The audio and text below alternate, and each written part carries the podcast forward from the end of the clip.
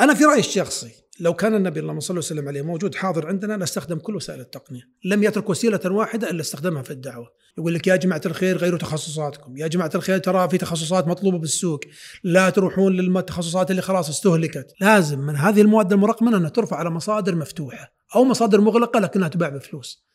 لابد أن توفر هذه المصادر أن الناس يصلون لها بكل سهولة أما عاد بتكلفة أو بدون تكلفة عاد هذا يرجع لصاحب صاحب الحق.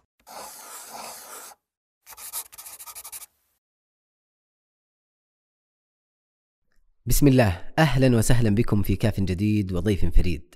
عودة بعد انقطاع وموسم جديد نطل عليكم من خلاله بموضوعات ثرية ومفيدة تنمي الوعي وتزيد الفكر. أشكركم حقيقة على تفاعلكم خلال الموسم الماضي بالإعجاب والتفاعل ونشر المحتوى الهادف ولا زلنا نتطلع إلى نشركم ومشاركتنا آراءكم ومقترحاتكم حول الضيوف والموضوعات عبر إيميل البودكاست أو عبر منصات التواصل المختلفة ضيفي اليوم الأستاذ محمد بن عبد الله الفريح مدير إدارة النشر والترجمة بشركة العبيكان للتعليم. موضوعنا اليوم حقيقة يدور حول المعرفة ونشر المحتوى. هذا المحتوى الذي أصبح بكم هائل وموجود عبر الوسائل المختلفة. آه، كيف يمكن أن نستفيد منه؟ كيف نستطيع أن ندور هذا المحتوى عبر تقنيات وعبر ذكاء اصطناعي وعبر منصات مختلفة؟ كيف يمكننا أن نساهم في تأليف كتب بموضوعات نحتاج إليها خلال هذا الواقع الذي نعيشه؟ آه، موضوعات حقيقة جدا مهمة حول المحتوى وحول النشر وحول التأليف وحول الترجمة كلها تخرج من مختص أمضى أكثر من 35 عاما بين الكتب وتأليف الكتب والنشر والترجمة. آه، يعني سنبحر حقيقة وستستفيدون خلال هذه الحلقة بمنصات وكتب وطرق متعددة للوصول إلى الكتب النافعة. فأهلا وسهلا أبو عبد الله. حياك الله أخي عبد العزيز وأنا شاكر لك ولفريق كاف الاستضافة. سعيدين جدا حقيقة وأشكر لك سرعة استجابتك على هذا اللقاء الجميل. الله يسعدك. كذا شدني في البايو عفوا في المعرف. آه كتبت اسمك وكتبت جنبه تحدث العربية. أي نعم. إيش ينبع هذا منه؟ هل عندنا أزمة في الحديث بالعربية أو في المحتوى العربي؟ آه إي حقيقة موجود عندنا أزمة. وأحيانا يكون عندك أزمة هوية. آه لما تشوف مجموعة من الناس جالسين على طاولة واحدة مثلا يكونون تسعة مثلا متحدثين باللغة العربية واحد متحدث باللغة الأجنبية ثم تجدهم كلهم يتحدثون باللغة الأجنبية علشان هالواحد يفهم ما يقولون. آه، أعتقد أن عندنا عندنا أزمة في الحديث باللغة العربية. مع أنها لغتنا ويجب أن نعتز فيها مثل ما نعتز بهويتنا ونعتز بملابسنا ونعتز بقيمنا مثل ما نعتز قبل كذا بديننا يعني. جميل. جميل. أن الإنسان يعتز بدينه مثل بلغته مثل ما يعتز بدينه وخلافه. جميل جدا. آه، في المحتوى آه، يعني كذا خلينا ندخل مباشرة. إيه. يعني الواقع اللي نعيشه الآن عندنا انفجار في المعرفة. المراحل اللي مرت بها المعرفة إلى أن وصلت إلى الطباعة وبعد الطباعة انتشرت الكتب وبدأت المكتبات وصار فيه يعني معرفة واسعة جدا. هذا الانتشار في المعرفة هل أثره إيجابي على واقعنا أو سلبي؟ أه والله الحقيقة هو مثله مثل أي منتج آخر. يعني أه له أه شقين مثل السكين لها شقين شق إيجابي وشق سلبي مثل السيارات الآن لها شق إيجابي وشق سلبي. كل شيء يأتيك في الحياة اليوم إذا لم توظفه للتوظيف الأمثل وتستخدمه بشكل جيد فهو ممكن ينعكس على حياتك سوءا. إذا وظفته بشكل جيد ينعكس على حياتك ايجابا. فما نقدر نقول إن المحتوى بوضعه الحالي أو بطريقته الحالية إنه جيد أو سيء، هو يعتمد على استخدامك أنت له. لكن آه، ممكن نعيد توظيف السؤال نقول هل هل توفر المحتوى اليوم للناس قياسا على قبل عشر سنوات أو عشرين سنة هل هو أفضل لهم ولا ولا مو بأفضل؟ الجواب نعم أفضل وأسهل وأسرع في وصول المعلومة. فالمحتوى ممكن نستخدمه بشكل سيء وممكن نستخدمه بشكل جيد يعني. ولذلك تشوف الآن كثير من الشركات اللي تعمل في مجال المحتوى. آه، بدأ طلع مصطلح جديد عندهم يطلع اسمه المحتوى الرديء. وبدأوا يفرزون المحتوى في هذه المنصات وفقا لهذا المحتوى.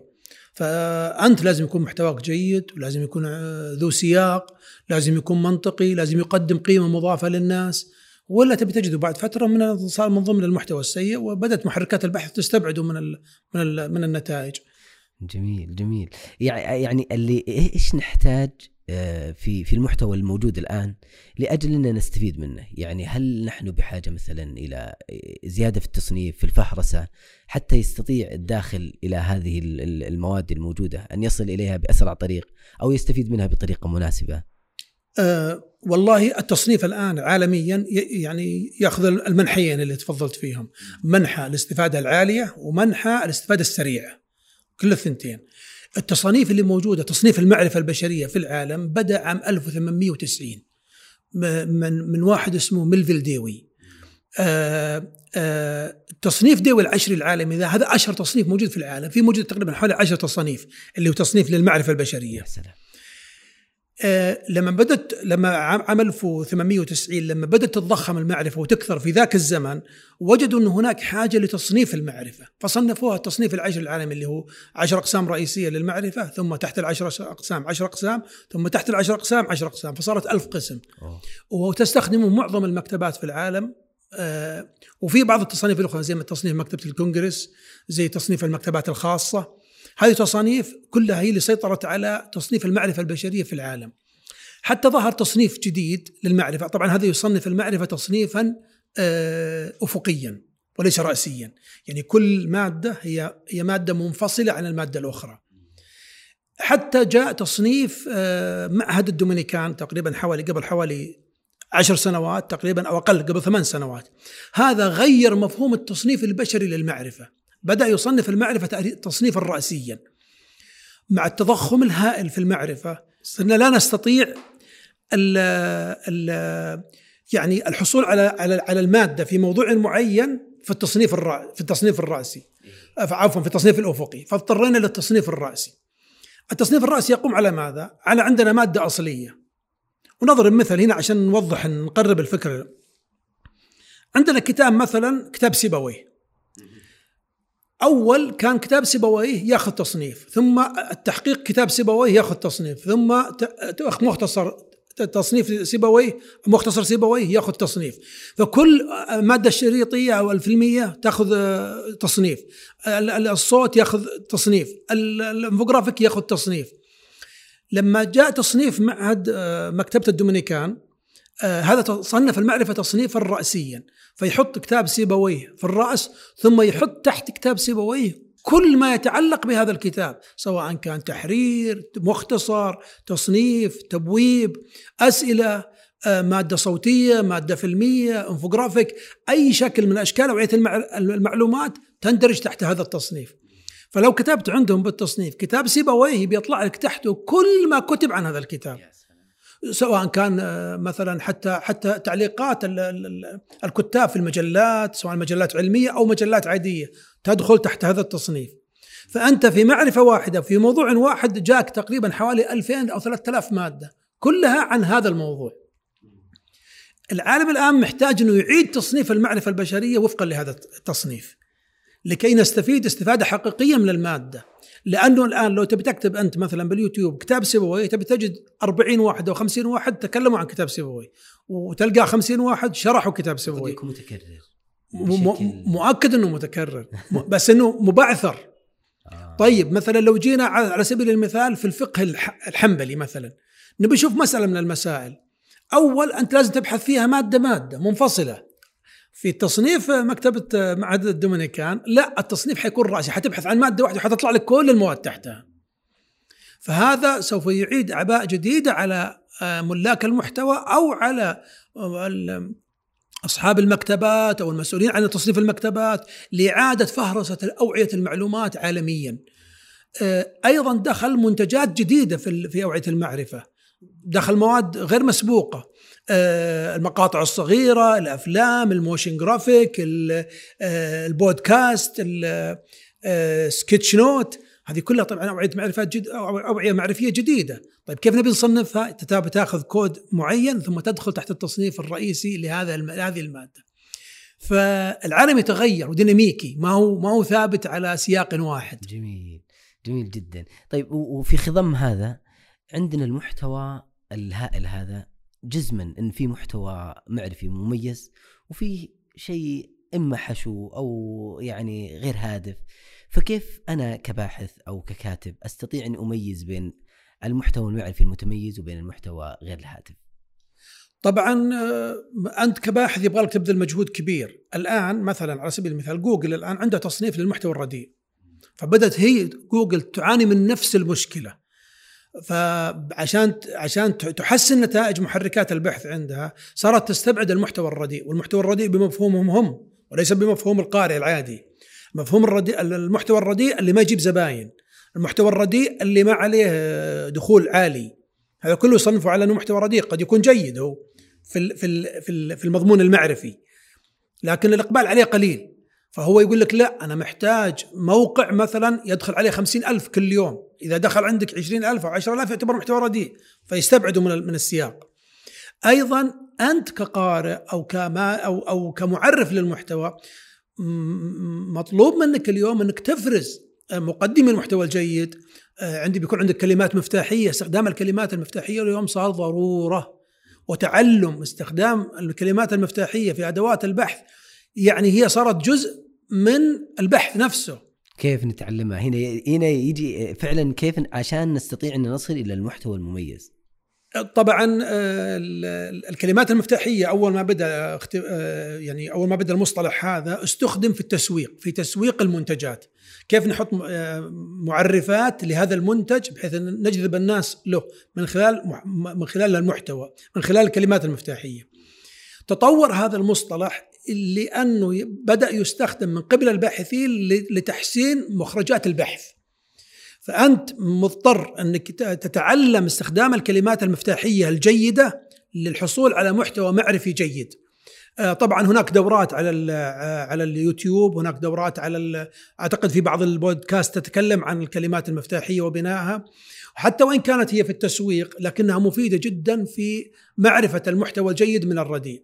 أيضا واحدة من أدوات معرفة المحتوى الجيد من المحتوى السيء مصادر المعلومات هذه، هل هي جامعة؟ هل هي مؤسسة؟ هل هي أكاديمية مثلا؟ هل هو فرد؟ الفرد هذا كيف مستوى تقييم محتوى محتواه؟ أيضا أيضا كثير من الجهات الآن بدأت تحط تصنيف للمحتوى.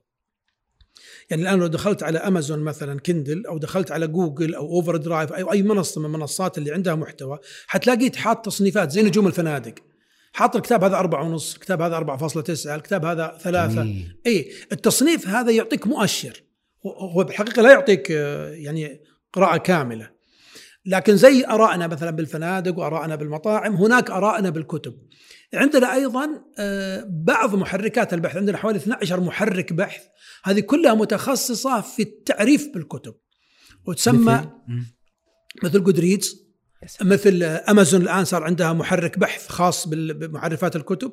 عندك جوجل صارت تحط معرفات للكتب فمن خلال المعرفات هذه تقرأها أنت.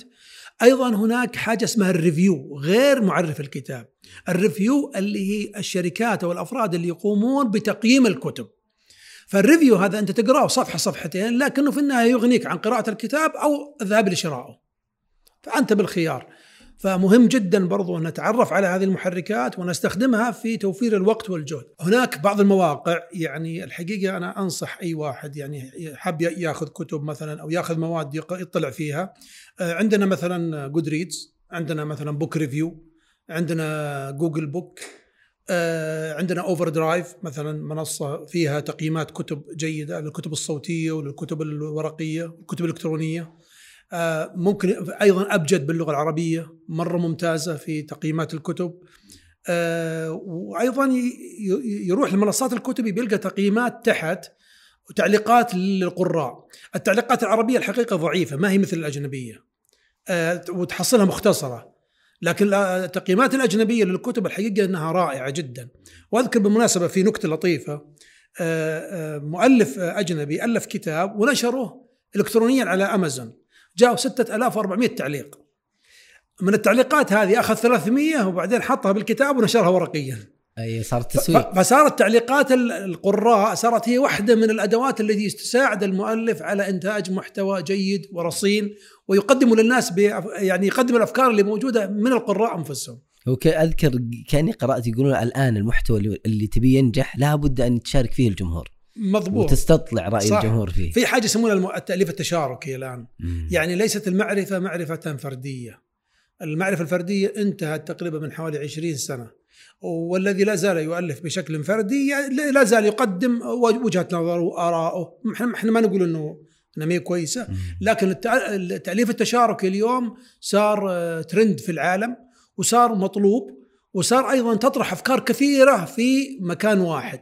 وهذا برضو تستخدمه الآن Harvard Business Review وتستخدمه Harvard Business Press كلهم يستخدمون يستخدمون طريقة الجمع جمع المحتوى المتعدد في موضوع واحد من أشخاص متعددين. يا سلام. وأيضا كتبهم بالمناسبة أكثر كتب مبيعا في اللغة العربية وفي لغات أخرى. مم. يأخذون موضوع معين مثلا ويستشيرون فيه 10 12 شخص 15 شخص أحيانا ويجمعونها في مادة واحدة. فأنت كمتلقي تأخذ مادة واحدة من 15 شخص. ممكن ما يناسبك منها إلا عرض أو عرضين فتاخذ الانسب منها. هل ممكن نقول أبو عبد الله إن المحتوى غير الهادف الآن سبب انتشاره هو الجمهور نفسه؟ يعني هل مثلا حب الجمهور إلى الجانب الترفيهي ال- الجانب العفوي وعدم وجود الجانب الجاد في مثلا وجود وسائل التواصل الآن حبهم إلى أن مستحيل إنه مثلا يروح إلى منصة من منصات وسائل التواصل ويتابع كتب. لا يبغى يروح مثلا يدخل السناب شات ولا يدخل أي موقع من مواقع التواصل يبغى يشوف شيء من الترفيه.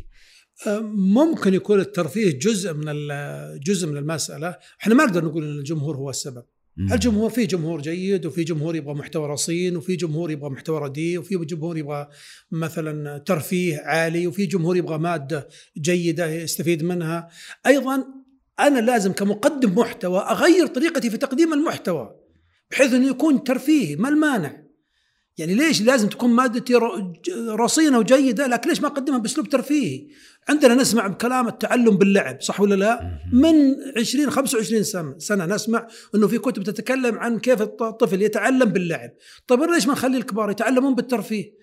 آه على فكرة ديزني الآن إنتاج أفلامها حقت الأطفال جزء منها يدخلون فيها التعليم. طيب ليش ما يكون التعليم يعني نستخدم أدوات جديدة؟ في تقديم المحتوى. ليش قلنا على ال motion graphic وال infographic و sketch note؟ لأن ال- ال- المتلقي اليوم لم يعد متلقي نمطي أو كلاسيكي. بعطيه كتاب يبي ياخذ الكتاب بيروح للبيت يقراه. لا يبغى المعلومة بطرق مختلفة يبغى يقراها بوسائل مختلفة. ممكن يقراها ورقي ممكن يقراها على جهاز آه، قارئ آه، إلكتروني ممكن يقراها على الجوال ممكن يسمعها ممكن يراها بصريا. فأنت لازم تنوع المحتوى وفقا لل- للموجود. ولا نستطيع نقول إن الجمهور هو السبب الجمهور. في جمهور. يطلب مادة جيدة وفي جمهور يطلب مادة رديئة وعلى فكرة ترى من بدء الخليقة والناس تقدم محتوى جيد ومحتوى رديء أنا ما أعتقد إن المحتوى الرديء موجود في عصرنا الحاضر لا حتى قبل 100 سنة كان في محتوى رديء قبل ألف سنة كان في محتوى رديء الشعر العربي الجاهلي كان فيه محتوى عالي وقوي وممتاز وفيه محتوى ما وصلنا لأنه رديء. لكن أنا عندي دائما قاعدة في المحتوى عموما. أقول فأما الزبد فيذهب جفاء وأما ما ينفع الناس فيمكث في الأرض. حتى لو يمكث المكوث هذا ألف سنة 2000 سنة 3000 سنة. الآن لما ترى بعض المخطوطات وترى بعض الوثائق عمرها ألف سنة و1500 سنة تتعجب كيف وصلت لك؟ كيف مرت بأزمنة غابرة لا طريقة حفظ ولا طريقة عناية ولا صيانة ولا كيف وصلك؟ من يد شخص لشخص لشخص وبعدين تشوف الوثيقة هذه أو أو المادة هذه من فلان إلى فلان إلى فلان إلى فلان عشرة تملكوها قبل ويشترونها شراء ويشترونها بأغالي الأثمان. ليش؟ لأنهم كانت هذه الماده هذا المحتوى الجيد هذا اللي اللي بقى. المحتوى الرديء لم يبقى. رائع جدا. طيب آه في على هذا الغرار آه حتى نستطيع أن نوصل المحتوى إلى أكثر من شريحة أو بأكثر من طريقة إحنا نحتاج إن نصل إلى مفهوم ولعلك تطرقت إليه كثيرا في أحاديثك مفهوم تدوير المحتوى. إن هذا إيه. المحتوى الموجود عندي كمكتوب ككتاب كشيء جامد أستطيع إني أدوره من خلال وسائل التواصل. طيب جميل. آه، شوف يعني خلينا ناخذ ال- الدعوة دعوة النبي اللهم صل وسلم عليه. ناخذها مثال. إيش رأيك؟ يا سلام. جيدة؟ جميل. طيب. النبي اللهم صل وسلم عليه لما أراد أن يب- يبث هذا المحتوى الذي لديه يبثه للناس راح للناس ببيوتهم. وراح للناس بدار الندوة وراح للناس عند الكعبة صح ولا لا؟ جميل وكان يغشاهم في أنديتهم الخاصة كله يبلغ الدعوة يعني معناته النبي اللهم صل وسلم عليه استخدم كل الأدوات المتاحة لديه في عصره لبث الدعوة طيب لماذا إحنا لا نأخذ نفس المنهج يعني إحنا عندنا أدوات اليوم صح ولا لا؟ وعندنا منصات والمنصات هذه نقدر نقول شبه بلاش يعني نستخدمها ولا ندفع عليها فلوس صح ولا لا؟ ومع ذلك نحن مطالبين الآن إننا نستخدم مثلا وسائل التواصل الاجتماعي بكل وسائلها ما نغفل ولا وسيلة، حتى الوسائل اللي نقرأ عنها مستقبلا ونشوف إنها لها مستقبل زاهر المفروض نبدأ نخطط لها من الآن كيف كيف نستهدف هذه المنصات. أنا في رأيي الشخصي لو كان النبي اللهم صل وسلم عليه موجود حاضر عندنا لاستخدم كل وسائل التقنية، لم يترك وسيلة واحدة إلا استخدمها في الدعوة. طيب خلنا نأخذ نفس منهج النبي ونطبقه على أنفسنا. من يملكون المحتوى اليوم يجب أن يكونوا موجودين في كل مكان. حسب طبعا طبيعة المحتوى، طبيعة المحتوى ونوعه أو يعيد تكييف المحتوى الخاص اللي عنده، يعيد تكييفه ويكون مناسب لتويتر ومناسب للفيسبوك ومناسب للينكدين والإنستغرام وكل وسائل التواصل الاجتماعي. ويكون كتاب ورقي وكتاب إلكتروني وكتاب تفاعلي. ما الذي يمنع؟ آه، هناك دار نشر في الدنمارك أنا طلعت على شغلهم وشفت مطبعتهم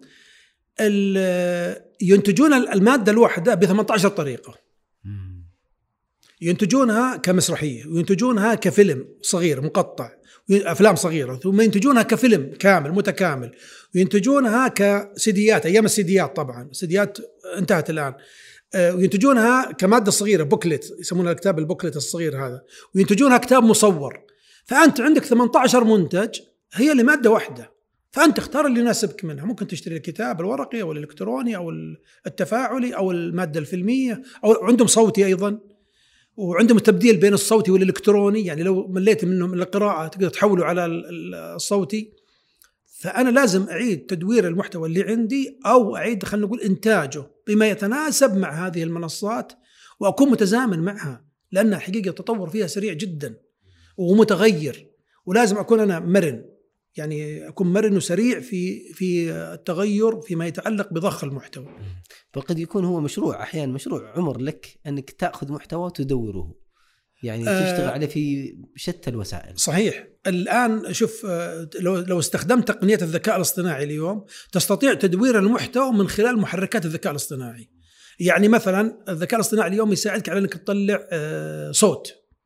فأنا ما محتاج إني أعيد أروح أدفع تكاليف للصوت. آه، أيضا بعض محركات البحث تستطيع أن من من من المحتوى تعمل لك ملخصات. يعني عندنا الكتاب وعندنا ملخص الكتاب. الملخص صار منتج جديد الآن. فعندي ملا... كتاب الذكاء الاصطناعي ممكن يعمل لي ملخص. الكتاب الذكاء الاصطناعي ممكن يعمل لي كتاب مصور. وهذا موجود الآن. اللي في اللغة الإنجليزية موجود. في اللغة العربية لا زال ستيل ضعيف. يعني لا زال يعني يحتاج وقت يحتاج تطوير. نحتاج نطور الآلات آلات الذكاء الاصطناعي اللي تعمل بالعربي لكنها متسارعة ومتزامنة الآن. يا سلام. آه أيضا آه لو حتى أنت تنشر مثلا خلينا نفترض إنك أنت تنشر محتوى بتويتر على سبيل المثال هناك برامج تحول تغريدات تويتر إلى كتب. وهناك برامج تحول الكتب إلى تغريدات. بس يفترض إنك تحط المادة ضمن سياق عشان هو ياخذها يعني ياخذها مقطع مقطع ويبدأ ينشرها في الفيسبوك أو في تويتر أو في أي مادة أو أي منصة صوتية يعني يكون مادتك جاهزة لهذه المنصات. فأنت لازم تفكر أثناء التأليف إنه كيف يكون مادتك قابلة لأنها تتحول إلى هذه المنصات بشكل مرن. قلت لي فكرة قبل شوي صراحة كانت جميلة. فكرة إنك تشير على الكاتب أو صانع المحتوى أن يستوعب وسائل التواصل الآن الموجودة بحيث إنه يستطيع أن ينشر هذا المحتوى كله عبر وسائل التواصل. اي أنا أعتقد إنها ضرورة اليوم ضرورة. يعني اليوم أنت مثلا لما تألف كتاب تستهدف جمهور كم؟ ألف ألفين؟ كم تبي تطبع أنت؟ يعني أحسن واحد عندنا في العالم العربي يطبع 3000 نسخة عشان يوزعها بسنتين ثلاث سنوات. يعني معناته عندك 3000 قارئ. لما تنشرها رقميا أنت ممكن تصل لل 3000 ذولا بثلاث أيام بأربع أيام. هذا واحد. الشيء الثاني تقدر تحول منتجك الرقمي هذا تحوله إلى منتجات لزبائن أو قراء مختلفين. يعني اللي يبغى يسمع صوتي ما يبغى يقرأ. اللي بي اللي بيصل لك أساسا أنت لو تنشر مثلا في السعودية عندك قارئ في ألمانيا أو في بريطانيا وش اللي بيصل لك؟ عشان تصل له في المنتج هذا يبغى لك وقت طويل ويبغى لك كلف مادية.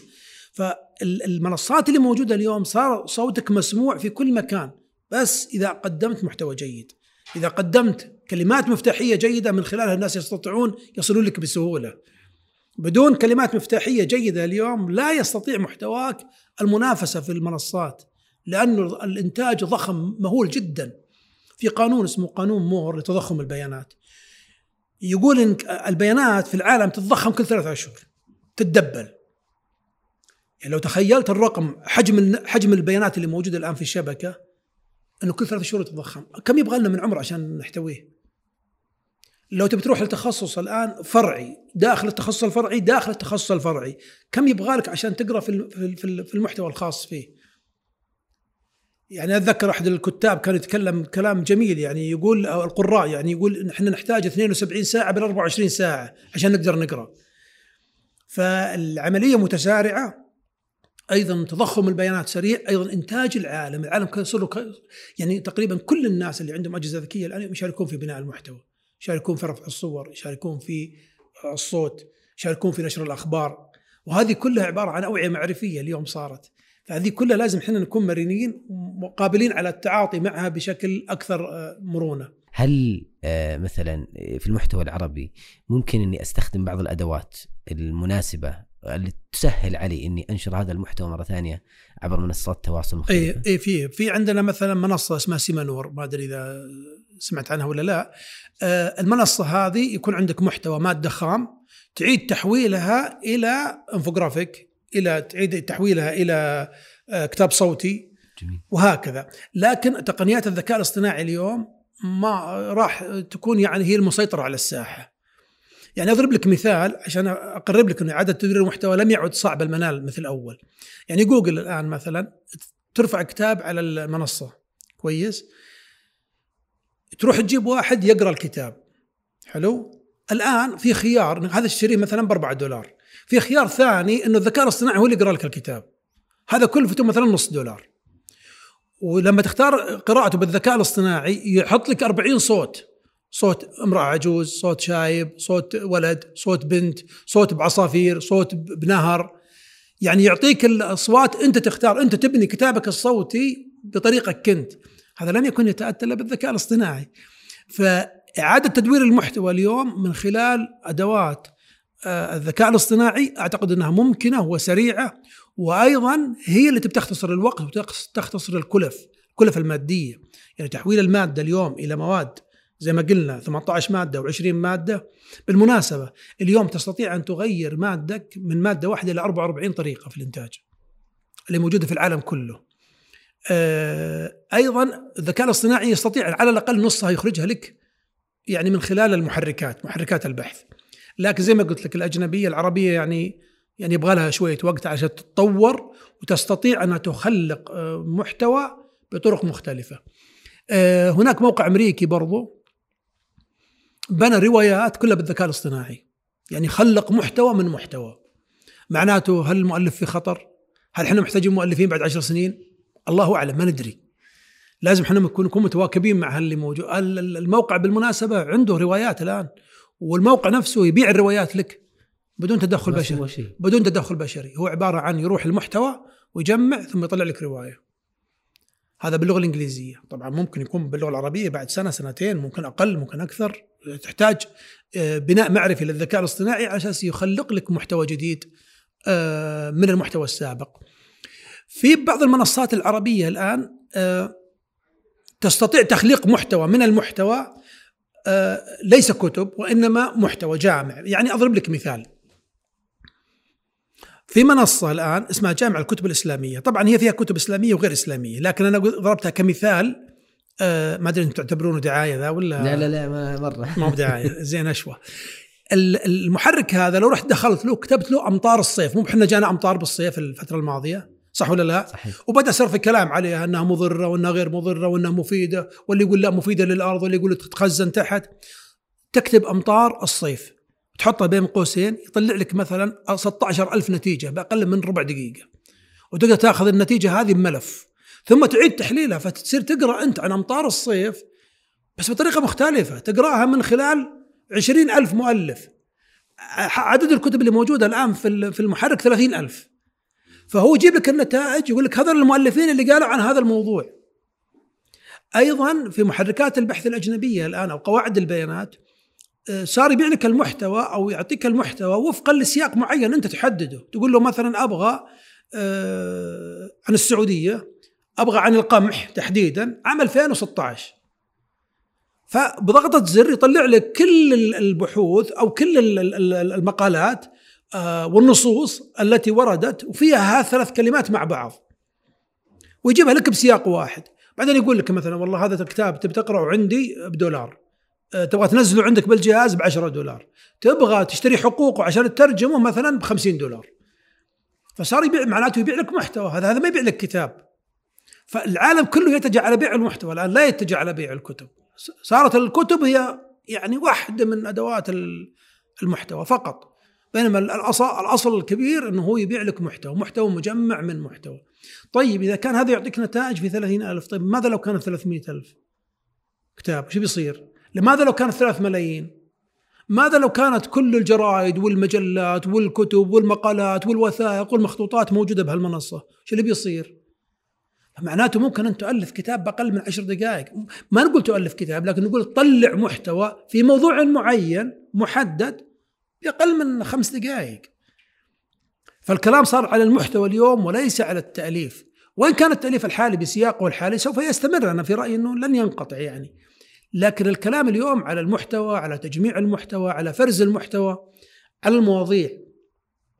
لما يجي مواضيع معينة وتحب أنت تبحث بهالموضوع هذا فتكتب الكلمة المفتاحية أو تكتب حتى كلمتين أو ثلاث كلمات مفتاحية ثم تطلع لك نتائج مهولة. تقدر تقرأ فيها أسبوع أسبوعين في هالموضوع اللي أنت بحثت فيه. قلت لي كلمة وإحنا نسولف شيء اسمه تعدين المحتوى. إيه. شدتني صراحة. يسمونه تعدين البيانات. تعدين البيانات أو تعدين المحتوى ويسمونه آه، على فكرة النفط الجديد. ويسمونه أيضا يعني له عدة مصطلحات الحقيقة. النفط الجديد النفط القادم يسمونه يسمونه تعديل البيانات. تعديل البيانات ويسمونه تدوير البيانات. تدوير البيانات يعني زي تدوير النفايات. مو بحنا النفايات الآن نقول له يعني يا أخي من يبغى النفايات؟ صح ولا لا؟ بينما حقيقة هي تباع المحتوى نفس الشيء. في ناس بدأوا يعيدون تدوير المحتوى ويخلقون محتوى من محتوى جديد وبناء على محتوى موجود سابق. أيضا يغيرون في طرق الإنتاج. يعني لم يعد المحتوى التقليدي فقط إنه واحد يجي يعطيك محتوى لا ممكن المحتوى الصوتي اللي عندي يحول إلى محتوى مكتوب ثم من محتوى مكتوب الذكاء الاصطناعي يقوم بتحليل هذا المحتوى ويطلع لك محتوى من محتوى. هل تستط... هل تعرف إنه ممكن من خلال بعض التقنيات تطلع خطبة جمعة؟ خطبة جمعة كاملة. بس تكتب الكيوردز اللي تحتاجها ويطلع لك آه، خطبة جمعة أربع صفحات ثلاث صفحات صفحتين حسب المواضيع اللي انت تحتاجها. بس أهم شيء يكون عندك مادة خام. تطلع منها محتوى. ممكن تطلع انفوجرافيك ممكن تطلع بمناسبات مختلفة. يعني مثلا عندنا اليوم العالمي للتوحد على سبيل المثال. نبغى مادة عن التوحد. يعني يا نروح للمركز السعودي للتوحد أو أو جمعية التوحد ونطلب منها المحتوى. يا نروح لمحركات البحث هذه اللي عندها قواعد بيانات ونطلب كلمات في التوحد نكتبها علشان يطلع لنا مادة عن التوحد. المادة هذه نعيد إنتاجها بطرق مختلفة ثم نضخها في هذه القواعد. فاللي يبغاها انفوجرافيك يلقاها اللي يبغاها صوتي يلقاها اللي يبغاها آه مادة مكتوبة مقروءة يقرأ يلقاها. وهكذا يعني التعدين الحقيقة صار يعني صار علم. أيضا صار حاجة يسمونها تعدين البيانات حاجة يسمونها البيانات الضخمة. آه، بالإنجليزي يقال لها big data صارت تعتمد في التحليل في تحليل المحتوى وليس في قراءة المحتوى. يعني مثلا على سبيل المثال لو جبنا كاتب يكتب من 40 سنة في أحد الجرائد ثم حطينا كتبه أو مقالاته حطيناها داخل هذا المحرك. فنقول له حلل لي شخصية هذا الكاتب. السياق اللي مر فيه في 40 سنة. فيقول لك والله كان يكتب بالسياسة شوي ثم توجه صار يكتب بالقانون ثم آه، في الفترة الزمنية هذه صار يكتب بالسيرة الذاتية. فيحلل لك شخصية الكاتب من خلال سياقه التاريخي بل إنه بدأ يحلل الكلمات. يعني من خلال محركات البحث صرنا نعرف الكلمة نفسها متى طلعت وشلون طلعت وليش طلعت في في هالزمن وش أصل التسمية حقتها. هذا لم يتأتى إلا بمحركات بحث وقواعد بيانات موجود فيها كل المحتوى هذا سنحلل من خلالها الكلمات ونحلل من خلالها آه، المفردات تغير المفردات حتى أيضا صار يقاس فيها قوة الكاتب وضعفه من خلال تكرار الكلمات. أنت تعرف في التأليف يعتبر من المعيب على الشخص أن يكرر الكلام صحيح ولا لا؟ آه، سواء التكرار اللفظي أو تكرار الفكرة. هذا يعتبر عيب. الآن محركات البحث تعيد لك تقول هذا الشخص مثلا كرر الكلمة الفلانية 200 مرة كررها 250 مرة. عرفت؟ فانت تعرف إن الرجل حشو كلامه كثير. عرفت؟ هذا من البداية فقط. بل إن محركات البحث لما ترفع الكتاب عليها يقول لك ال keywords اللي يشتغل عليها هذا الرجل. الكلمات المفتاحية حقت كتابه تتكلم عن إيش؟ موضوع يتكلم عن إيش؟ بل إن بعض القواعد البيانات هي تصنف الكتاب. تقول لك الكتاب ذا قانون، الكتاب ذا اقتصاد، الكتاب هذا سياسة. منين وصلوا لهالمنتجات؟ كنا من أول نحتاج مصنف يصنف الكتاب، الآن حنا عندنا أداة تصنف لنا الكتب من خلال الكلمات المفتاحية اللي موجودة جوا. آه، أيضا حتى في بعض الأدوات تحلل آه، تعطيك تحليل لسلوكك في الكتابة. هذا طبعا مخرج آخر يساعد الكتاب على أنهم يعني يعدلون رصانة كتبهم يعدلون جودتها يبدأ يخفف من الكلمات. آه، في في برامج تعلم الاختصار. يعني أنت عندك لو مق... عندك مثلا مقال كتبته أنت في 3000 صفحة يقول لك اكتبه في 1500 ثم يقول لك اكتبه في 1000 ثم اكتبه في 500 ثم اكتبه في 500 بحيث أنك أنت ما تطلع عن سياق الفكرة الأساسية للموضوع. فتبدأ تبدأ أنت تتحدى نفسك إنك تبدأ تختصر الكلمات وتبدأ تحافظ على نفس سياق الفكرة إنها ما ما تخل. تبدأ أنت نفسك تبدأ تتعود إنك ما تقول كلمات فيها حشو كثير أحيانا يجيب لك جملة كاملة يقول لك الجملة هذه ممكن كتابتها ترى بطريقة أخرى فتقوم تكتبها بكلمات أقل يعني يكون عندك مثلا 20 كلمة يقول لك اكتبها بعشر ثم اكتبها بثمان ثم اكتبها بخمس تبدأ أنت تتمرن تمرين خلاص يصير أنت المفروض إن عندك خمس كلمات تقول فيها الفكرة اللي أنت تبغاها. سلام. وهذا كله يساعد على إن إحنا نحط نطلع محتوى جيد ومحتوى رصين والناس تحتاجه وأيضا نحافظ على أوقات الناس. جميل. آه يعجبني أنا أحيانا بعض الشباب في في اليوتيوب مثلا في البودكاست يأخذون كتاب ويختصرونه لك. ولا لا؟ يعني يقول لك كتاب في دقائق في دقيقتين ثلاث خلاص المفروض يعطيك فكرة الكتاب كلها كاملة. أعجبك؟ تروح تشتري الكتاب ما أعجبك؟ تصير أنت لميت بالفكرة بشكل كامل وخلاص فهمت المؤلف يتكلم عن إيش. عاد يبغى إذا كان في الكتاب في أدوات. تساعدك على تطوير نفسك بال بالقراءة أو بالفائدة من المحتوى الموجود فتضطر تشتري الكتاب كله بالكامل أو تشتريه صوتي عشان تسمع باقي الأفكار اللي موجودة فيه. يحسن. يعني أنا قاعد أشوف هذه التقنيات وهذا الذكاء الاصطناعي اللي موجود والمحتوى العربي سواء المقروء أو الرقمي يعني هو قليل أصلا مقارنة بالعالمي.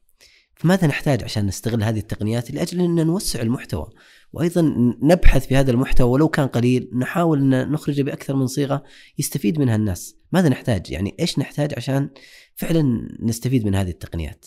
أه نحتاج يكون هذا هاجسنا بالليل والنهار. م. نتكلم في نتكلم في نتكلم على ملاك المحتوى يرقمنون مصادرهم الحين عندنا مشكلة في رقمات المصادر نفسها إتاحة المصادر نفسها يعني عندنا بعض الجهات عندها محتوى مسكر مسكر عليه طيب شلون بنستفيد منه هذا واحد. اثنين اللي عنده مصادر ورقية يحولها الرقمية.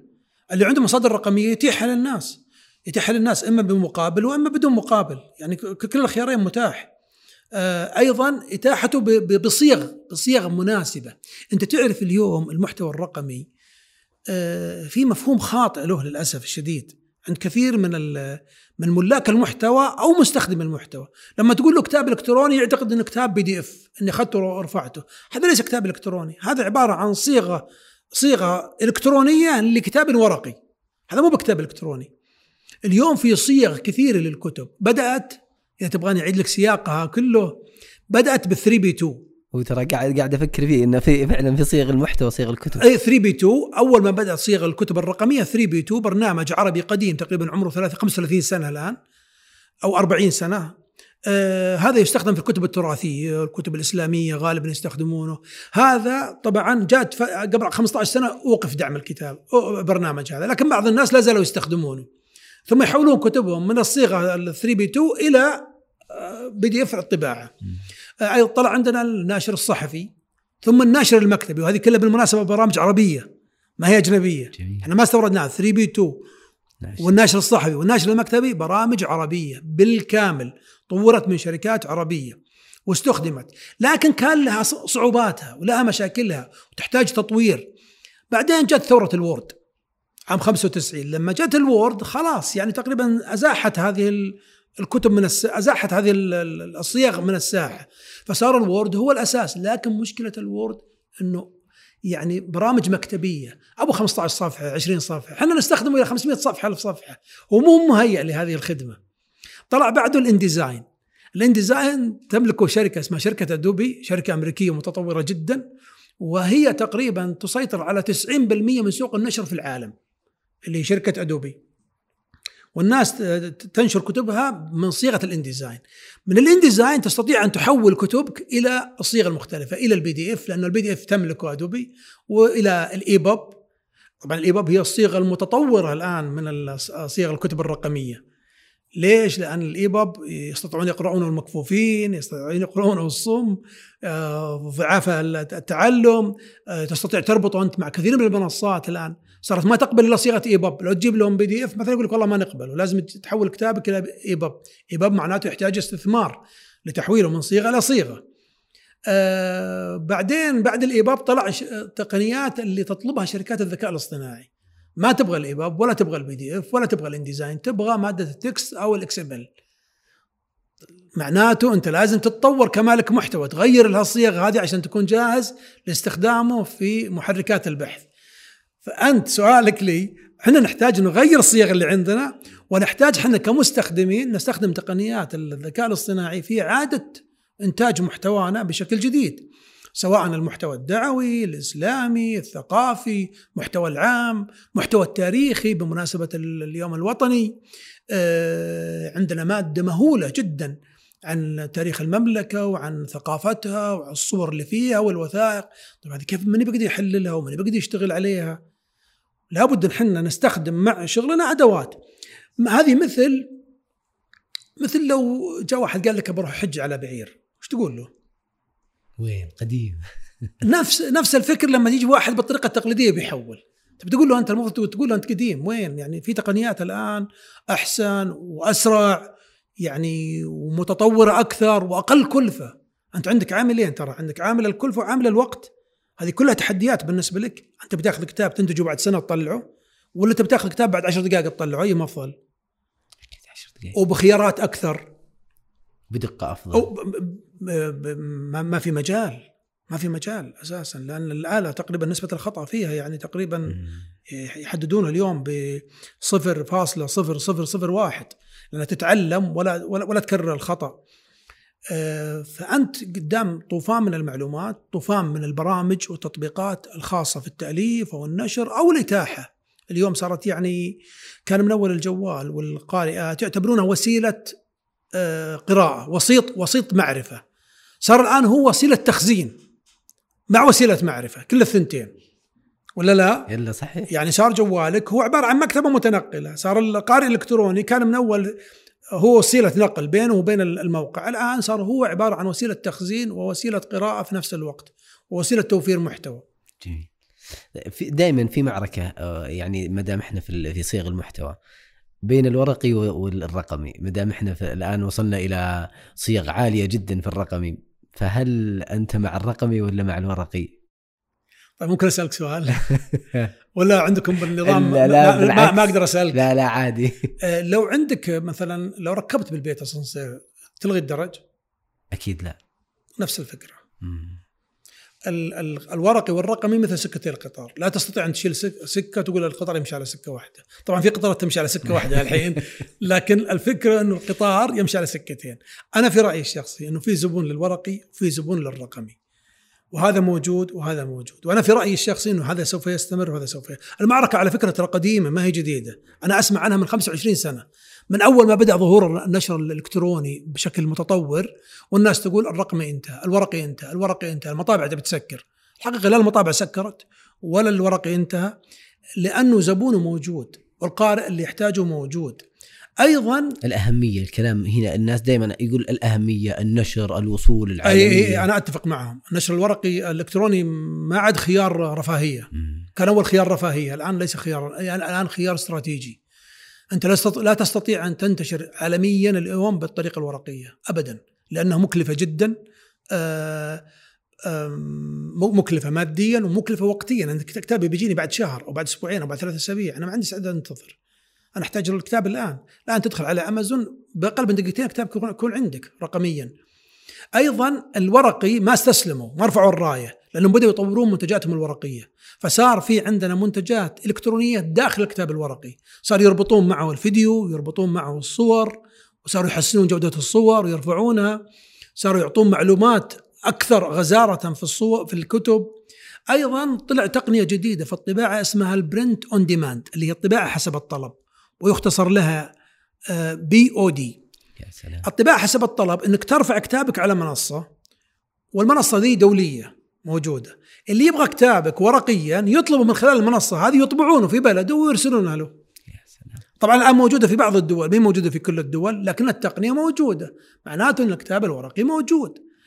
ال- الصراع الصراع هنا صراع أنا في رأيي أنه صراع تكامل وليس صراع تضاد. يعني كلهم يكملون بعض وكلهم موجودين. بل إن النشر الرقمي الآن صار يسبق النشر الإلكترو... ال... ال... ال... الورقي على الأقل بستة أشهر بثمانية أشهر أحيانا بسنة يعني لو دخلت على مثلا موقع أمازون ولا على بعض المواقع إحنا في الشركة مثلا ننشر إلكتروني قبل ما ننشر ورقي يعني بعد ما يخلص الكتاب نرفعه. الكترونيا خلال خمس دقائق أو عشر دقائق يكون مرفوع بينما ورقيا يعني بيحتاج له 45 يوم أو شهرين أو شهر ونص أو أقل أو أكثر عشان يطبع ورقيا. غير كذا المنافذ والأسواق. أنا ما أستطيع أصل لاستراليا وأصل لجنوب شرق آسيا وأصل لاوروبا وأمريكا إلا بكلف عاليه جدا. أنا الكتاب الإلكتروني موجود اللي خصوصا مع وجود الجاليات العربية الآن في كثير من الدول. و... وأيضا في طلب من ال... حتى من من من شعوب هذه الدول إلى المحتوى العربي.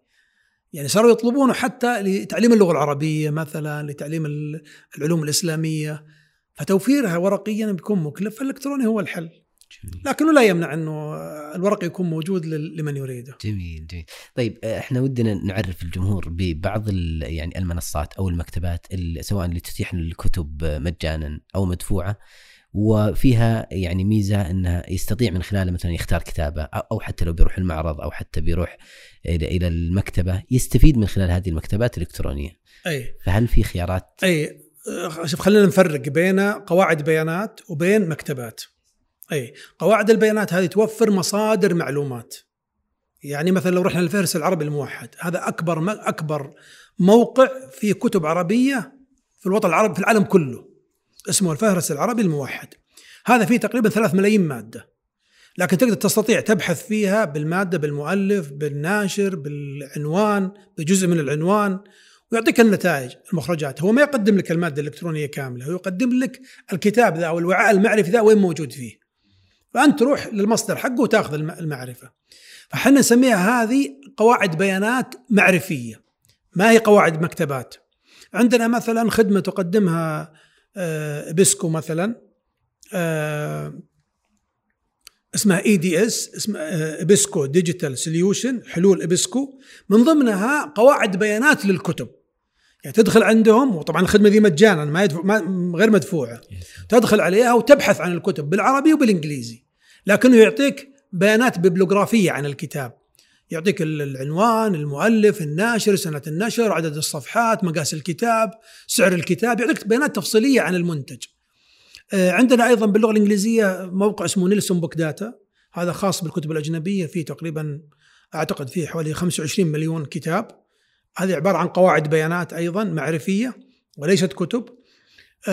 وهناك غيرها غير- غيرها من المنصات كثيرة عندك قاعدة بيانات جامعة الملك سعود عندك مثلا قاعدة البيانات في جامعة الإمام وفي الجامعات عموما عندهم قواعد بيانات لمكتباتهم لكن الفهرس تستفيد من قواعد البيانات آه، للوصول إلى كتاب معين مثلا بس. تحتاجها إي لكنه لا يستطيع الوصول للمادة نفسها، المادة نفسها إما أنه يكون طالب في الجامعة مثلا أو يكون عضو هيئة تدريس أو موظف أو أنه يشتري المنتج عشان يحصل عليه.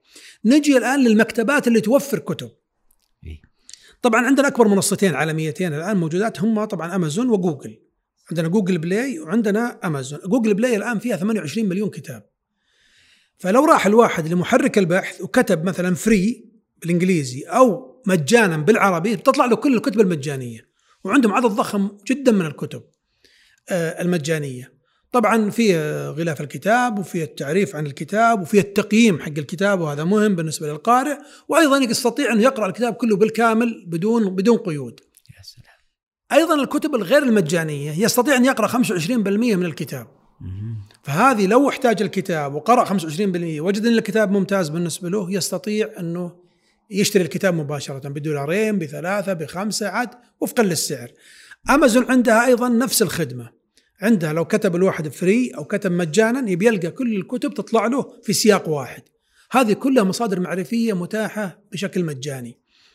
آه، عندنا أيضا المكتبة الشاملة آه، فيها تقريبا ثلاثين ألف مصدر. عندنا برضو آه، عندنا مثلا جامع الكتب الإسلامية فيها حوالي قرابة من 31 ألف مصدر. يعني حدود تقريبا نتكلم عن تقريبا في حدود مليون صفحة. مجانية متاحة بالكامل. آه، عندنا بالنسبة لطلاب الجامعات في المملكة طلاب الجامعات وأعضاء هيئة التدريس والموظفين في الجامعات اللي عنده رقم سجل أكاديمي يستطيع أن يدخل على مكتبة اسمها SDL اللي Saudi Digital Library فيها تقريبا 40 أو 45 قاعدة بيانات. كلها كتب مفتوحة المصدر بالنسبة للطلاب.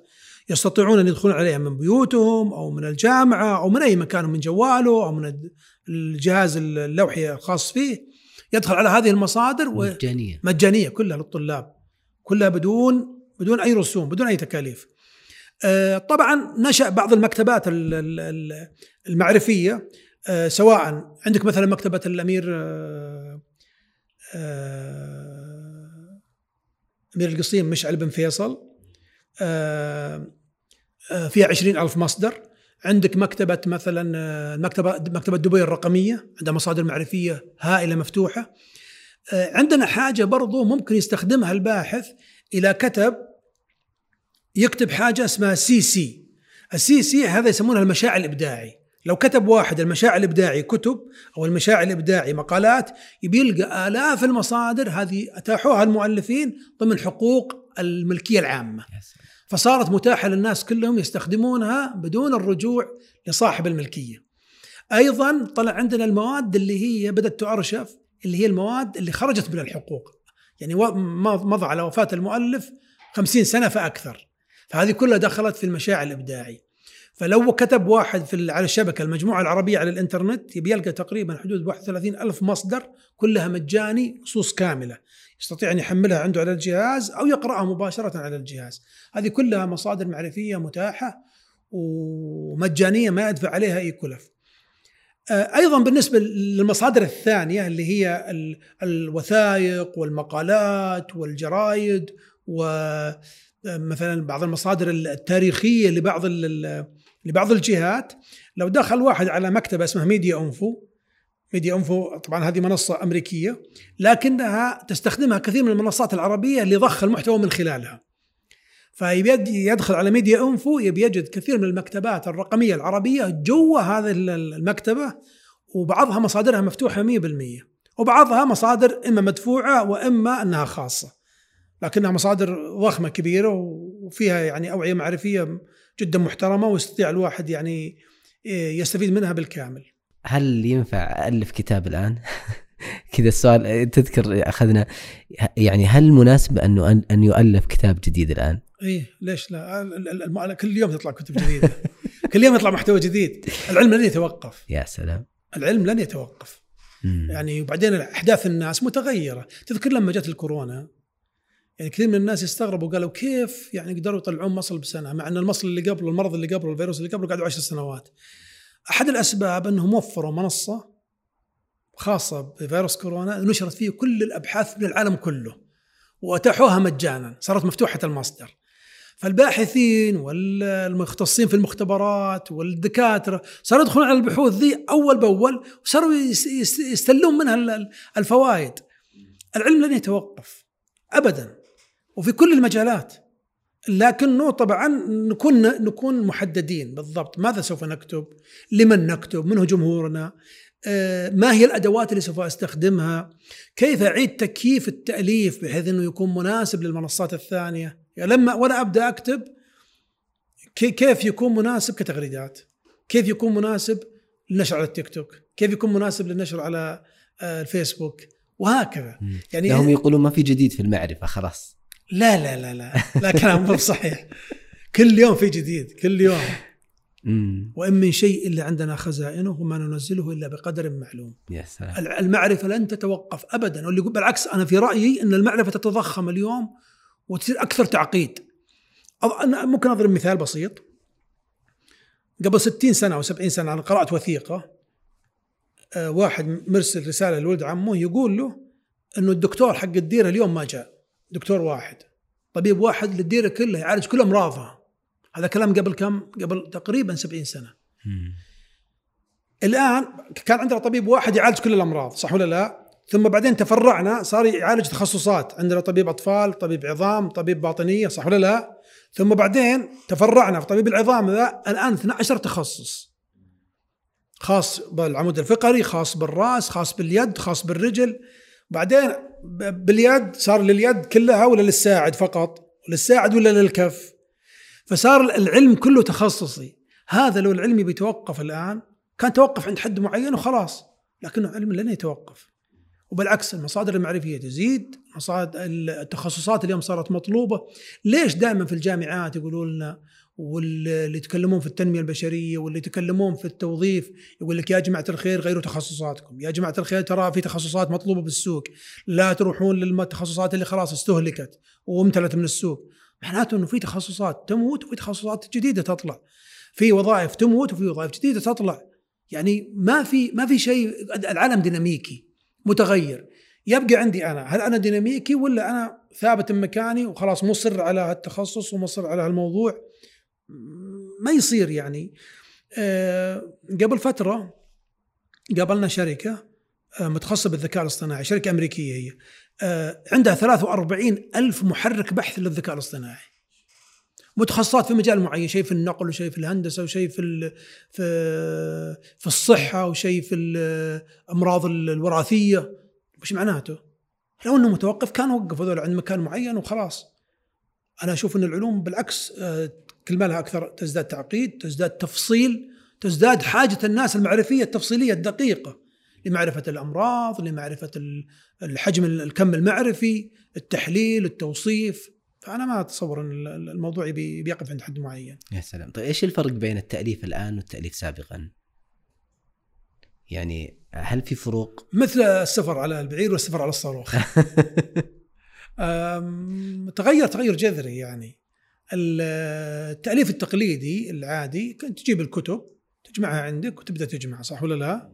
وتأخذ من الكتب وتجمع. هذا إحنا نسميه التأليف بالإضافة. تألف أنت وتضيف من هنا ومن هنا ومن هنا من المصادر.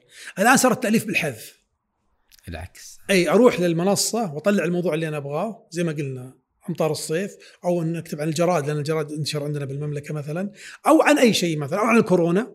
ونكتب ونشوف العالم ذاك وش كتب عن الكورونا وش كتب عن مثلا أمطار الصيف؟ وأجمعها كلها في وعاء معرفي ثم أستبعد ما لا يناسب السياق منها. فصار التأليف بالحذف وليس بالإضافة. آه طبعا نستبعد من هذا كتب الروايات وكتب القصص وكتب الفانتازيا والأشياء اللي هي أنا بألفها لمجرد إني أعبر عن مشاعري ومكنون مشاعري وأطرحها للناس. نحن نتكلم عن التأليف، التأليف بسياقه العلمي ومفهومه العلمي الواسع. أيضا طلع عندنا حاجة اسمها التأليف التشاركي إنه مثلا يجون 20 30 40 100 واحد وياخذون موضوع معين كل واحد يأخذ فرعية منه. أيضا طلع عندنا التأليف بالتفصيل يعني نأخذ موضوع معين مثلا وهذا تتبعه على فكرة هارفارد من حوالي 20 سنة. يعني مثلا يأخذون موضوع معين في الشركات مثلا عن أفلاس الشركات. من أول يجيبون واحد يكتب عن أفلاس الشركات صح ولا لا؟ يعطينا وجهة نظره ورأيه وتحليله، الآن لا يروحون يجيبون عن أفلاس الشركات لكن يجيبون 20 رأي من 20 مدير عام في الشركات. مش رأيك بأفلاس الشركات؟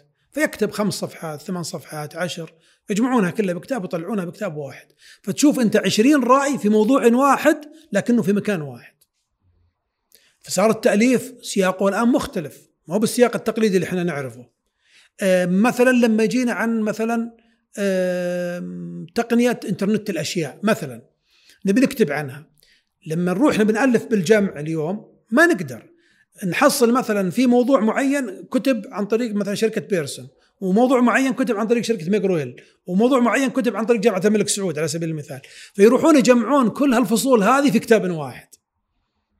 فصار تأليف بسياق مختلف. هذا غير السياق التقليدي اللي إحنا نعرفه الخاص بإنك واحد يجلس على مكتب يقعد يألف يطلع كتاب. آه، أيضا التقنيات الحديثة المستخدمة الآن في جمع البيانات لم تعد هي البيانات اللي كنا نستخدمها قبل 20 أو 25 سنة. اختلفت تماما يعني سواء في سياق طرح المعلومة أو في سياق جمع المعلومة. يعني شلون أجمع المعلومة وشلون أطرحها للناس. هذا كله اختلف السياق.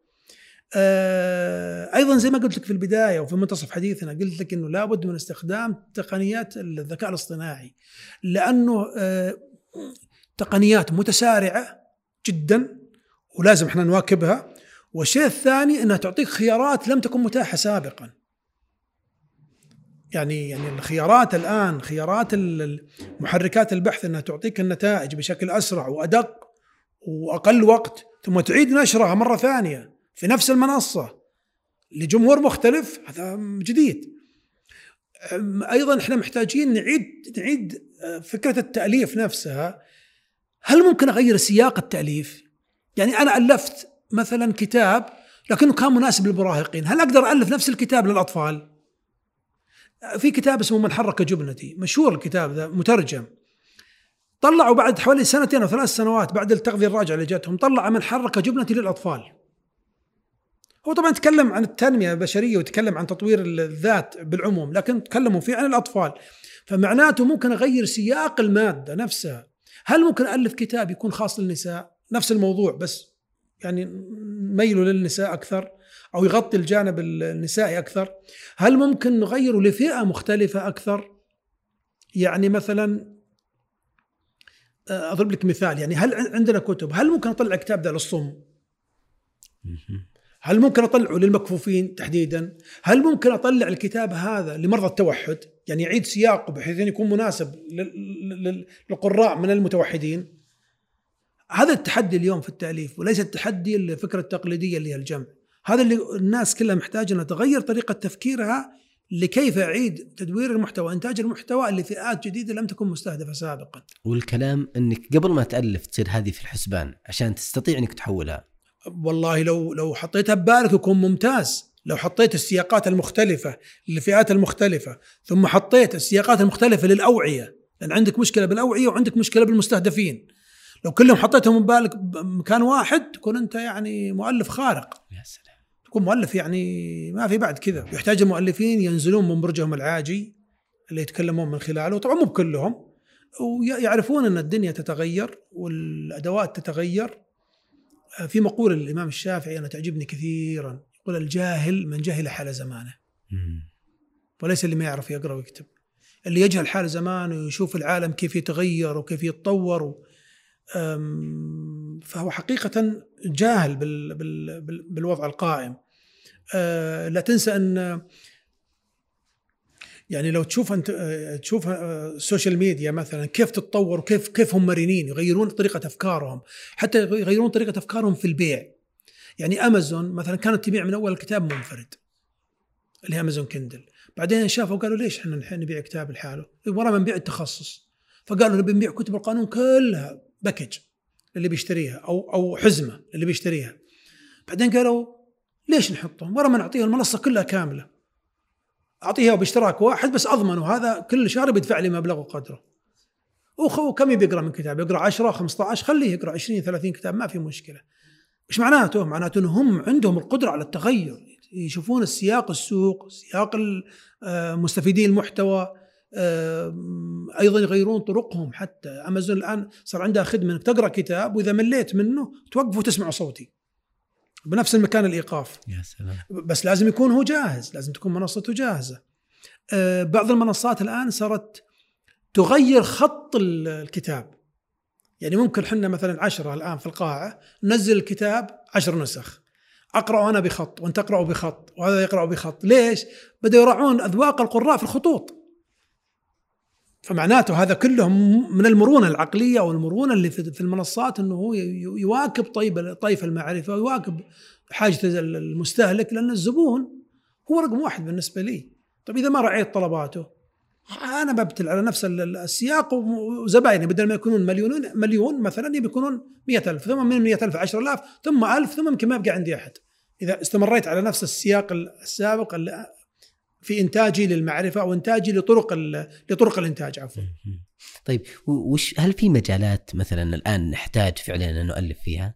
اي اي اي مثل؟ في كثير عندنا الذكاء الاصطناعي عندنا الأمن السبراني عندنا إنترنت الأشياء عندنا تقنية البلوك تشين عندنا ال- البيتكوين عندنا ال- الأمراض الوراثية محتاجين نكتب فيها عندنا مواضيع يعني مواضيع الساعة يعني التنمر مثلا التنمر الإلكتروني. سياقه جنوني الآن في العالم مو عندنا بس ترى. آه، نحتاج محتاجين نكتب عنه وفق سياقات آه، إرشادية وفق سياقات إسلامية. يعني نقول هل هل الوضع اللي صار جالس يصير ذا يعني ديننا ماذا يقول عنه؟ آه، أيضا السياقات الاجتماعية اللي هي شاذة في يعني مثلا على سبيل المثال يعني ال- الجرائم مثلا في العشر سنوات صرنا نسمع عنها أكثر مما كنا نسمع عنها قبل 20 سنة صح ولا لا؟ نحتاج إرشاد اجتماعي لكيفية التعاطي مع هذه المعلومات. آه، أيضا نحتاج آه، مثلا المصادر المعرفية كيف نوعي أنفسنا في تلقي المعرفة. أنا تعجبت من حديث آه، قال وأعوذ بك من علم. سماه علم لكنه لا ينفع. اللي موجود بالشبكة اليوم الناس تميل إلى العلم الذي لا ينفع، يحشي الرأس فقط ويعبيه ويضيع الوقت ولكنه غير مفيد. طيب إذا كان النبي استعاذ منه فالمفروض إحنا نستعيذ منه. طيب شلون أستعيذ منه وأنا أروح له؟ هذه المنصات فيها من الخير الكثير وفيها من الشر الكثير. فأنا كيف أعيد ترشيدها؟ محتاجين أيضا إرشاد أسري في طريقه تعاطينا مع هذه المنصات، استخدامنا للمنصات، فهذه مواضيع كلها محتاجين نكتب فيها لأن التقنية الحقيقة طاغية علينا في حياتنا اليوم بشكل كامل. يعني لا يكاد يعني إحنا عندنا الأطفال يستخدمون الأجهزة، صح ولا لا؟ صحيح. والكبار كبار السن ما في مثلا على مستوى المملكة العربية السعودية ما في شخص بالسعودية ما عنده رقم جوال يجي عليه أبشر، صح ولا لا؟ معناته أن كلنا عندنا مصادر معرفة، أيضا مصادر التلقي مصادر مصادر المعلومة نفسها محتاجين نتأكد من المعلومة الدقيقة الصحيحة ما ننشر الإشاعات. دعوا الجريمة تتوقف ودعوا المعلومة السيئة تتوقف عندي. ليش ليش اصير أنا أداة لتمرير ال... فكل هذه أدوات نحتاج إلى التأليف فيها ونحتاج إلى الكتابة فيها. كيف نتعاطى مع المعلومات الجديدة آه، مع المحتوى الجديد كيف يكون عندي محتوى جيد وأستثمره؟ آه، لو تشوف بعض الشركات الذكاء الاصطناعي كيف تتكلم عن المحتوى يقول لك حتى المحتوى اللي أنت تشوفه خرابيط ومكتب بخط اليد قال هذا إحنا نحتاجه. عندنا أدوات تقرأ خطوط اليد الآن. عندنا نسوي تحليل لخطوط اليد. عندنا برامج تسوي تحليل لخطوط اليد. فلما يجمعون الداتا هذه كلها يبي يجمعها وبكرة يبيعها عليك. صح ولا لا؟ يبيع لك الخدمة اللي موجودة. فأنت كل وعاء معرفي أو كل مادة معرفية عندك هي عبارة عن كنز. كيف أنت تستثمرها كيف تطوعها كيف آه، تعيد سياقاتها من جديد هذا كله مواضيع نحتاج الكتابة فيها حقيقة. يا سلام. طيب أبو عبد الله في عندنا تحدي نعيشه الآن تحدي كبير وهو رقمنة المعرفة. إيه. ويعني إحنا متأخرين كثير في الرقمنة. صحيح. فكيف نستطيع إننا نعالج هذه الأزمة وهذا التحدي؟ والله شوف أدوات الرقمنة موجودة ومتوفرة. وكلفها قليلة ما هي ما هي مثل أول. ال- الآن الكرة في ملعب ملاك المحتوى. سواء كانوا آه، جهات حكومية أو مؤسسات شبه حكومية أو مؤسسات خاصة أو جمعيات أهلية وجمعيات خيرية مثلكم أو جمعيات أو جمعيات آه، أهلية أو أفراد. كلنا مسؤولين عن الرقمنه اليوم. ما في أحد مو مسؤول سواء عندي صور سواء عندي نصوص مكتوبة سواء عندي مادة صوتية مادة فيلمية سواء عندي آه، وثائق عندي مسكوكات عندي مخطوطات أي مادة ترقمن اليوم. لا يوجد حد لا يوجد سقف لرقمنة المصادر. بل إن الرقمنة الآن صارت ثلاثية الأبعاد ورباعية الأبعاد وصاروا يدخلونها بالمتاحف يعني مقتنيات صارت تدخل المتاحف الملابس الأدوات المسكوكات المخطوطات النقوش. هل تعرف أن المملكة فيها مليون نقش؟ قرأت معلومة أن السعودية فيها مليون نقش معناته عندنا مليون مادة محتاجين نضخها على شبكة مع معرفاتها مع كيوردز حقتها. آه، الكرة في ملعب حقيقة ملاك المحتوى بكل أشكالهم وأطيافهم. انت لو عندك مثلا عشر أشرطة تستطيع أنك ترقمن هذه المصادر بكل سهولة الآن وترفعها على منصات حرة أو على منصات تجارية وتبيعها. آه، المؤسسات، الجامعات، آه، مراكز البحث العلمي يعني عشان نفصلها هي تحتاج أدوات وتحتاج قرار. الأدوات موجودة أنواع السكنرات الآن موجودة من سكنر قيمته 300 ريال إلى سكنر قيمته مليون ريال ويرقم من كل شيء. في مشروع رقمنة الوثائق السعودية في وزارة العدل. هذا الحقيقة نموذج يحتذى عالميا. أنا دخلت عندهم وشفت الخطة اللي هم ماشيين فيها. يرقمنون كل الوثائق من عام ألف هجري. متخيل؟ يعني من من يرقمنون آه، دفاتر دفاتر والصكوك العثمانية. والأملاك. وتقريبا الآن شبه شبه قربوا تقريبا يخلصون. هذه تجربة الحقيقة تجربة تستحق أنها يسلط عليها الضوء وأنها تدرس وأنها لأنها وفيها مصادر مالية أيضا وفيها مصادر معرفية. تستطيع أنك تحلل من خلال هذه الصكوك وهذه الوثائق أنواع التملك ووثائق التملك ومشاكل التملك قديما والقيم القيم الماليه للتملك تستطيع تسوي دراسات على هذه الكت... على هذه المواد إذا رقمنتها. تحتاج قرار قرار استراتيجي من مالك المحتوى ايا كان نوعه وتحتاج والمواد موجودة ومتوفرة بل في شركات متخصصة الآن بالرقمنة. طيب هل هذا يكفي؟ الكلام لا. لازم من هذه المواد المرقمنه أنها ترفع على مصادر مفتوحة أو مصادر مغلقة لكنها تباع بفلوس. لابد أن توفر هذه المصادر أن الناس يصلون لها بكل سهولة أما عاد بتكلفة أو بدون تكلفة عاد هذا يرجع لصاحب صاحب الحق. آه آه وأعتقد أنه قرار ليس ليس اختيار يعني قرار استراتيجي. الآن لو رحت مثلا الأرشيفات كتبت الأرشيف الأمريكي زي ما قلت لك أو الأرشيف البريطاني تبي تلقى كل شيء مرقما كل شيء كل شيء يعني كل شيء تتخيله له أصول رقمية. والأصول الرقمية ذي تباع. مو بالمسألة والله مسألة إني برقمن وخلاص أبغى أتفرج عليها. لا تستطيع إنك تبيعها. لو رحت الميديا انفو حتلاقي بعض الصور قيمتها 300 يورو 400 يورو وأنت تأخذ نسخة رقمية فقط. فمعناته إنك أنت عندك محتوى والمحتوى هذا مطلوب من جمهور والجمهور ذا عنده استعداد إنه يدفع مقابل المحتوى الذي بيحصله. فأعتقد إنه خيار مهم جدا وأيضا محتوى مستوى الرقمنة عندنا ضعيف. يعني في العالم العربي لا زال أعتقد إنه يدور في فلك ال 5% 6% فقط. وأيضا مع الرقمنة تحتاج إلى تصنيف، تصنيف إلى هذه المعرفة عشان الناس يصلون لك بسهولة، تحتاج إلى كلمات مفتاحية، تحتاج إلى إنك تستعين بالخبرات الموجودة السابقة آه، تشوف التجارب اللي موجودة عندنا تجارب في المملكة جدا رائدة تجارب في بعض الدول العربية ممتازة في تجارب دولية للأرشفة. هذا كله يعني يبي يبي يغير معادلة المحتوى في آه، الوطن العربي كله. لو استطعنا أن نقدم المحتوى بطريقة جديدة وبصيغ مقبولة للشركات اللي تطلبها الآن. يا سلام. أبو عبد الله إحنا يعني قريبين من معرض الكتاب. أيه. والقارئ نبغى نعطيه دور فيها في هاللقاء الجميل. خصوصا إن الآن تعرف على كيف يصل المحتوى المميز ويعني يستطيع انه يصل إلى الكتب اللي المقيمة فيها تقييم. نصائحك لمن سيزور هذا المعرض؟ والله النصيحة الأولى أنت لا تروح إلا أنت مختار الكتب وجاهز. هذا رقم واحد. طبعا لن تكون كل الكتب جاهزة لأن في بعض الكتب جديدة. أيضا اقرأ تقييمات الكتب قبل شرائها.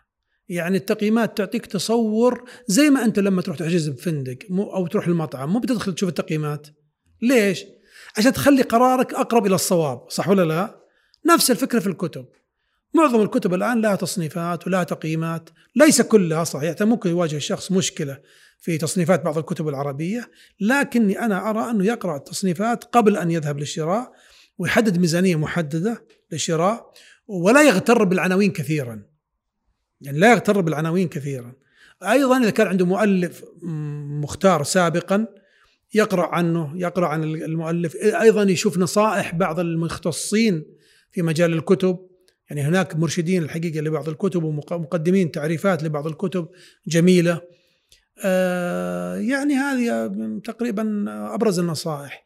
آه لا تغتر بالدعاية اللي يسوونها الناشرين. إحنا صحيح ناشرين لكن لا تغتر كثيرا بما يقدمونه من معرفة إذا كانت ما هي حقيقية.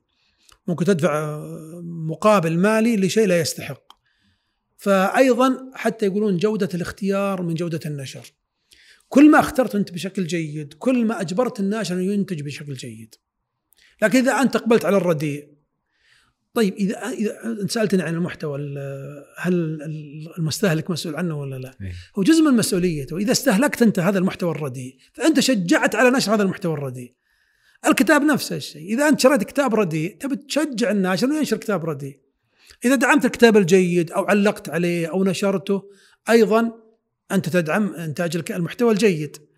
وأنصح القراء أيضا إذا خلص من الكتاب وقرأ يعمل آه، ملخص عنه بسيط وينشره مثلا على تويتر على فيسبوك على جوجل على أمازون يعني يعني يساعد الناس في الاختيار يعني وأيضا يعني يجب إحنا ثقافتنا العربية نغير ثقافتنا في إعدادنا للكتب وتقييمنا لها لأنه تقييمنا لها لا زال يعني في قصور شديد يعني. التقييمات الأجنبية أكثر دقة وأكثر آه، يعني أكثر تفصيل يعني ممكن تقرأ الريفيو عن الكتاب أو العرض عن الكتاب وتأخذ قرار بشرائه وعدم شرائه. بينما في العربي لا يعطيك آه، معلومات عامة يقول لك مثلا ممتاز جيد آه، يستحق القراءة لا يستحق ما دفع فيه. كلمة لا يستحق ما دفع فيه تخليني ما اشتريه صح ولا لا؟ لكن قد يكون كتاب جيد بس بالنسبة للقارئ يعني اللي اللي قراه ما عجبه. فالتقييمات ما هي يعني مثالية بالصورة اللي نعرفها. جميل على طاري الكتب ومعرض الكتاب آه، يعني أنت لك اهتمام كبير بالترجمة والناس تتوجه إلى شراء بعض الكتب المترجمة واحيانا فيها ركاكة أيه. يعني آه، خلينا نقول الترجمة والحال اللي عليها الآن هل نستطيع أن نحسن من وضعها أو وضعها الحالي؟ اي نستطيع أن نحسن من وضعها إن ما نشتري الترجمات السيئة، أنا كقارئ ما أشتري ترجمة سيئة. يصير عندي فرصة أقرأ صفحة صفحتين ثلاثة وأقرأ مثلا من وسط الكتاب وأقرأ من آخر الكتاب إذا ترجمة رديئة أتركها خليها في مكانها إذا أنا شريتها وبعدين أخذت قرار في إنها ما كويسة ما يعني أنت ما ما قدمت خدمة للقارئ العربي إنه يترجم بشكل أفضل. هل المحتوى المترجم فعلا يستحق العناية؟ يعني في يأتي تساؤل. هل أصلا في في المحتوى المترجم شيء يستحق أن يعتني به الواحد؟ اي في مواضيع ما فيها مادة عربية. في مواضيع مثلا الذكاء الاصطناعي. جيب لي مادة عربية مكتوبة بالذكاء الاصطناعي. كلها مؤلفة من من الأجانب. تقنية البلوك تشين. تقنية مهمة جدا والعالم كله يتكلم عنها اليوم. في تقنية مثلا الإنترنت العميق. ال big data. اللي هي البيانات الضخمة. هذه كلها ما فيها مواد عربية للأسف. هذه كلها مواد إحنا نجيبها من برا. فأنت محتاج شوف نقل نقل نقل المعرفة من الآخرين. ليست ترفا. لو إنها ترف ما صارت من عهد المأمون إلى اليوم. وصار لها جوائز للترجمة وصار في فرز وصار في تقييم. هذا دليل على أنه نقل العلوم من الآخرين ونقل المعارف. المعارض إيش فكرتها؟ أول ما بدأت فكرة المعارض تقريبا قبل حوالي 120 سنة أو أكثر شوي الفكرة قامت على أساس نقل الخبرات بين البشر. ونقل المعارف بين البشر. إذا أنا بجلس أنا ما يكتب بالمواضيع دي إلا أنا ولا أقرأ إلا ما ينتج عندي أنا. هذا كلام مو بصحيح يعني. وبعدين بعدين ترى الترجمة آه، حالة ثقافية يعني حالة تبادلية. يعني هو ياخذ من عندي ما يستحق إنه يترجم للغته وأنا أخذ ما عنده ما يستحق إنه يترجم للغتي. في بعض الاختيارات غير موفقة؟ نعم في في اختيارات غير موفقة. في اختيار في كتب ما كانت تستحق أنها تترجم ابدا ومواضيعها ركيكة وترجمتها ضعيفة وفي مواضيع لا تستحق أنها تترجم. في مواضيع وفي علوم اليوم يعني لا نستطيع أن نكون إحنا إحنا بدعا من البشر. الصينيين يترجمون اليابانيين يترجمون الأمريكان يترجمون. هل معنى هذا أنهم ما يحتاجونها؟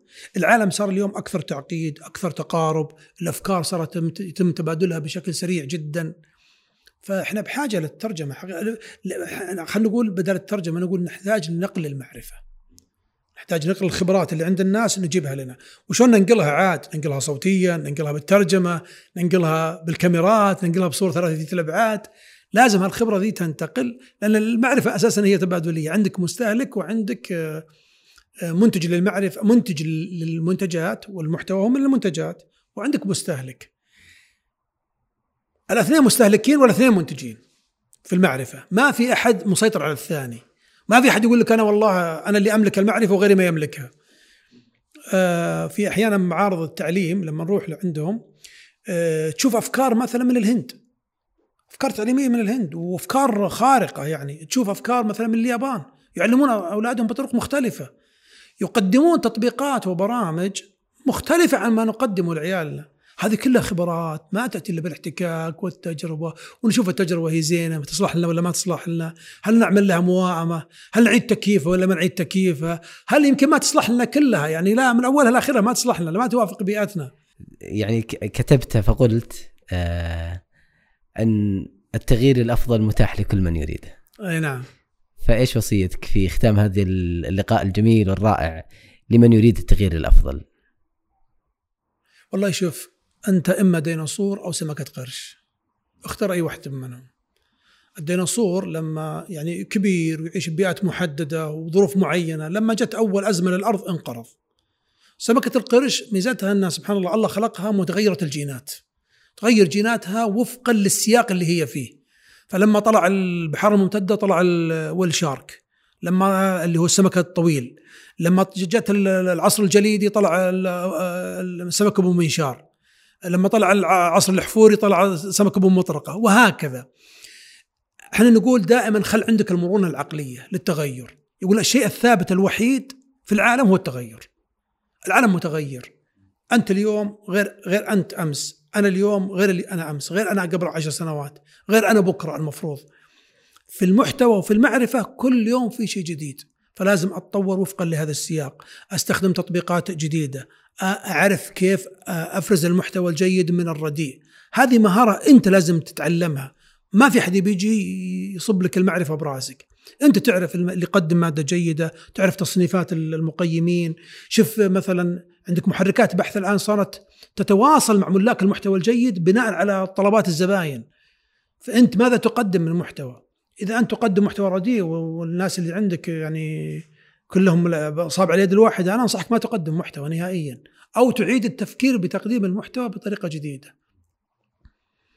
بعض ملاك المحتوى بعض المنصات تدفع له فلوس عشان يستمر. بل إن بعض المنصات زي تيك توك مثلا هل تعرف إن تيك توك مثلا عندهم فكرة الآن لضخ محتوى تعليمي للأطفال من أولى ابتدائي إلى ثالث ثانوي داخل التيك توك؟ ليش؟ هو مو هدفه التعليم هو هدفه يبي يجيب الناس للمنصة من هذه الفئة. وإن كانوا موجودين لكن بيخلي الباقيين يجون يشوفون الدروس داخل التيك توك عشان يرفع قيمة المحتوى يرفع قيمة المنصة ويرفع قيمة تقييماته في, في الأسواق العالمية. واحدة من أدوات تقييم المنصات الآن كان من أول يقيمون المنصة بعدد المستخدمين صح ولا لا؟ يقول لك أنا عندي مثلا مليار مستخدم. ويقيمونها بالحجم المحتوى حجم الداتا اللي عندهم. الآن أضافوا معيار جديد. كم ساعة يبقى عندك المستخدم؟ يعني أنا دخلت في الفيسبوك كم قاعد عندي؟ قاعد عندي ساعة ولا عشر ساعات في اليوم ولا أربع ساعات كم متوسط جلوس الفرد؟ في منصات تدخل لها وتطلع لها تطلع منها. وفي منصات تدخل فيها ما عاد تطلع. فهذا واحدة من ادوات التقييم بل إنه صار يعني جزء كبير من التقييم في الشركات وأصولها على بقاء المستخدم عندك. طيب عشان يصير البقاء عنده وش يسوي؟ بدأ يضخ فلوس مهولة علشان يجيب ملاك المحتوى يقول لهم تعالوا ويطورهم ويعد لهم تأهيل بحيث إنهم يضخون محتوى جيد بحيث ان الناس تبقى عندهم ما تطلع ويتغير يتغير مع السياقات الموجودة. يشوف العالم يتكلمون عن إيش ويطرح مواضيع فيها. يعدل في سياسات المنصة يعدل في مدد العرض. أنتم بتلاحظون هذا الكلام؟ اي واضح. التغير هذا طبيعي سنة بشرية. فأنا كمؤلف أو كمالك محتوى محتاج أكون سمكة قرش. ما أنا محتاج أكون يعني ديناصور. جميل. شكرا أبو عبد الله. الله يوفقكم والله استمتعنا جدا في هذه الساعة الجميلة. جزاك الله خير الله وشكرا يرضى. لكم وشكرا لفريق الأعداد و... ويعني إن شاء الله تكون مادة يعني يستفيدون منها. الناس ما تصير مضيعه وقت. جدا. الله يجزاك خير. الله يوفقك. أيضا شكرا لكم أيها الجمهور. آه، نلقاكم في كاف جديد. في أمان الله. السلام عليكم ورحمة الله وبركاته.